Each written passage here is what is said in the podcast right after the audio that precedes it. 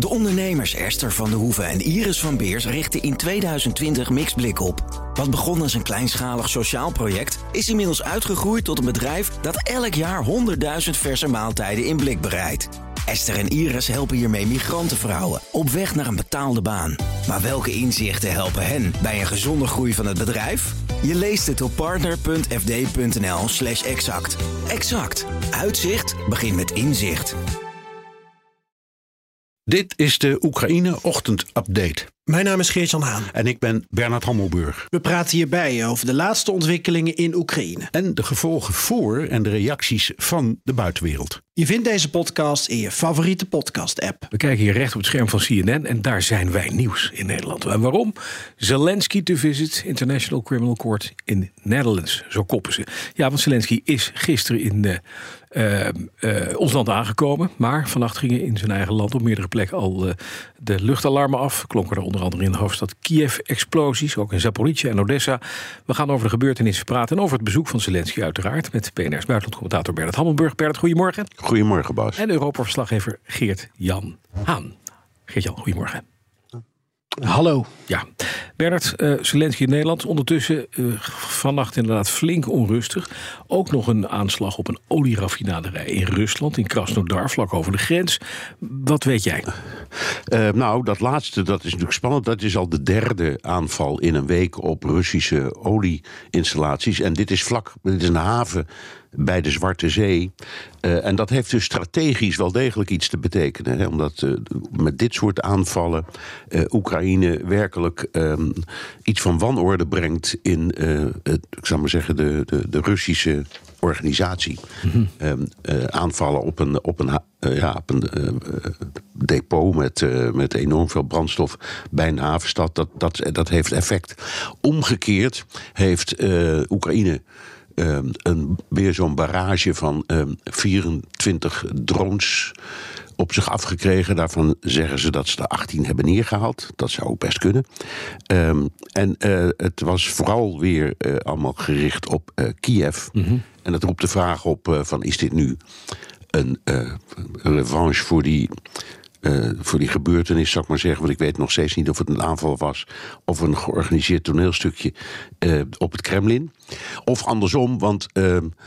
Uh, Uh, je kunt ook zeggen, als Oekraïne wel die aanval op het Kremlin heeft uitgevoerd, dan kan dat ook best weer een vergelding zijn voor al die aanvallen op Kiev. Dus het is een beetje kip en het ei. Maar in ieder geval, het, het beeld is en blijft dat terwijl we wachten op. Um, uh, dat, dat voorjaarsoffensief, dat zich voornamelijk op de grond gaat afspelen, hè, op, op de, waar, waar die twee fronten tegenover elkaar liggen, dat door de lucht we nu kunnen echt kunnen spreken van een oorlog die gewoon elke dag plaatsvindt. Ja, dat blijkt. Nog eventjes, is dit die, die nachtelijke aanval met raketten en, en drones op, uh, op die steden niet ook een vergeldingsactie? Want hè, dat hebben de Russen, die hebben moord en brand geschreeuwd nadat er twee bommetjes of drie bommetjes landen op het dak ja. van, het, van het Kremlin. En waarbij ze meteen zeiden, zie je wel, Oekraïne pleegt een aanslag op Poetin. En Zelensky ja. zegt, nou, verre van.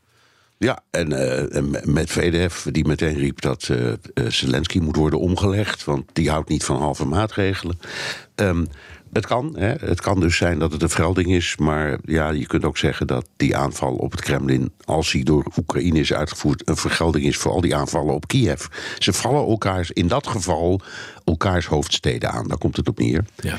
Um, maar ik zelf geloof niet zo in dat uh, verhaal van die aanval op het Kremlin. Ik weet niet wie het heeft gedaan, maar ik kan me bijna niet voorstellen dat Oekraïne dat heeft gedaan. En Zelensky heeft dat gisteren uh, op een persconferentie in Helsinki ook nog met de grootste denkbare nadruk ontkend. Ja, uh, die, zei, die zei: We zijn echt niet uit op het vermoorden van Poetin.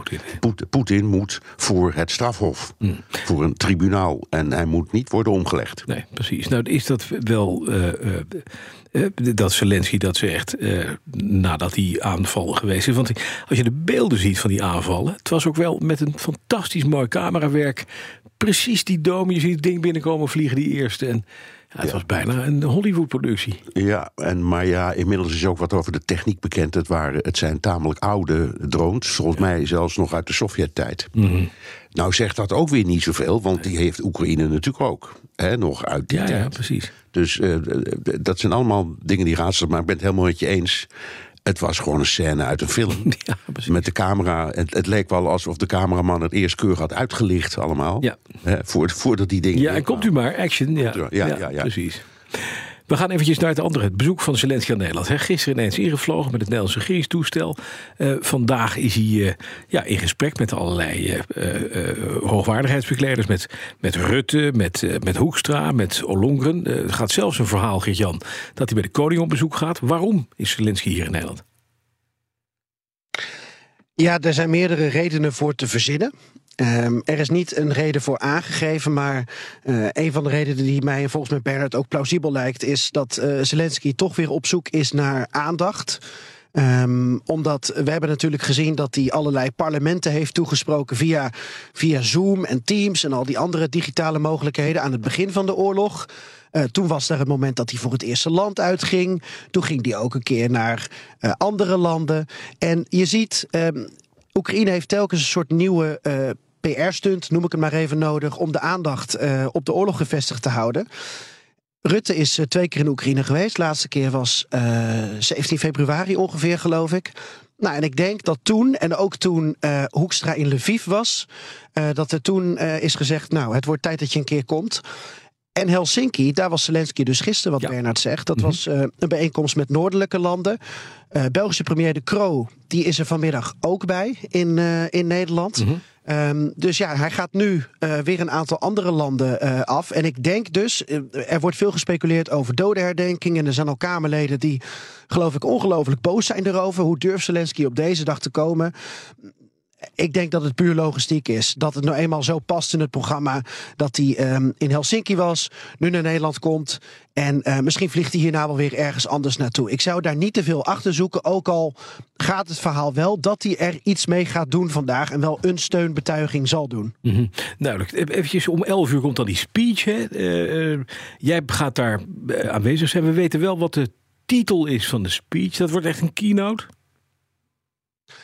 Ja, eh, eh, ik weet nog niet hoe lang die speech precies zal duren. Mhm. Het is ook nog onduidelijk of die ook daadwerkelijk eh, via een livestream ja, voor iedereen buiten dat gebouw te horen is.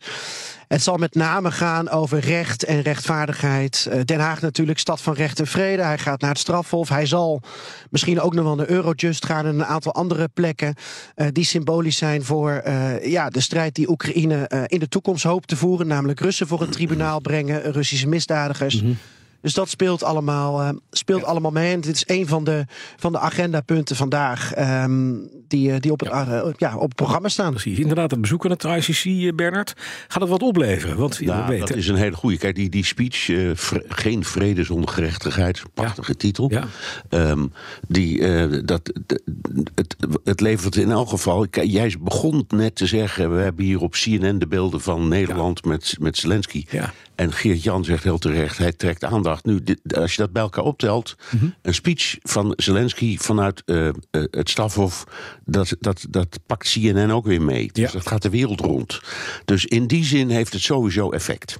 Eh, praktisch gesproken, een oproep om Poetin te berechten, ja, dat is een, nou ja, dat is. Naar mijn idee een illusie, dat gaat niet gebeuren. En, en, eh, maar goed, dat wil niet zeggen dat er niet een zaak kan komen en dat hij wel formeel, eh, bij wijze van spreken, eh, ehm, dat er een rechtszaak komt, is allemaal mogelijk. Maar het- ik, ik vind die hele discussie over er moet een rechtszaak komen of een tribunaal eerlijk gezegd een beetje voorbarig. Ik denk dat de nadruk in de eerste plaats moet liggen, en dat zal ook wel, op de hulp die Nederland en België in dit geval samen, maar misschien ook andere landen opnieuw gaan toezeggen. ehm, aan Oekraïne. eh, en dat is dan financiële hulp, maar vooral wapenhulp. Want dat is iets waar die steeds over, over bekend. Ik, ik denk dat dit past in die hele trits van ehm, ehm, verzoeken die hij al maar doet. En die altijd, tot nu toe, met enige vertraging ook worden gehonoreerd. Ja, precies. En het is makkelijk omdat hij nu face-to-face is, persoonlijk kan spreken met. Want je zegt al, hij gaat inzetten op wapens. In januari heeft hij al gevraagd om nieuwe jacht, of eh, F-16's, hè, jachtvliegtuigen en lange afstandswapens. En toen zei Rutte voorlopig nee. En juist daarin dat voorlopig zat, het bleek niet een taboe te zijn. Hij wilde daar misschien nog wel over nadenken. Ja. Komt vandaag dan de klap op het, eh, op het Nou, eh, dat verhaal? zou kunnen. Dat Ja. zou kunnen. Ik weet niet eerlijk gezegd. Ik weet niet wat Geert-Jan heeft gehoord op dat gebied. Eh, Geert-Jan en ik hebben steeds, eh, zeggen steeds tegen elkaar... als je kijkt naar de hele loop van die oorlog... dat begon met een discussie over helmen. Ja, of dat wel of niet kon. Ja, ja. En eh, dat liep door naar een discussie over gevechtsvliegtuigen. Nou, dat was onbespreekbaar. En inmiddels Worden ze hebben. Polen en Slowakije die ook geleverd. Ja. Dus uiteindelijk krijgt hij voortdurend door al dat, noem het maar, gedram... zijn, ehm, Zin. zijn, zijn zin. Joost Hulting en Brit Schorel timmeren internationaal hard aan de weg. Met hun Wild Ride Carrier, een hippe drager voor peuters. Maar succes komt nooit vanzelf. Ook niet voor dit ondernemersduo uit Haarlem. Want ondernemen is nou eenmaal vallen en opstaan. Welke inzichten hebben zij opgedaan om van hun bedrijf een succes te maken? Je leest het op partner.fd.nl slash exact. Exact. Uitzicht begint met inzicht.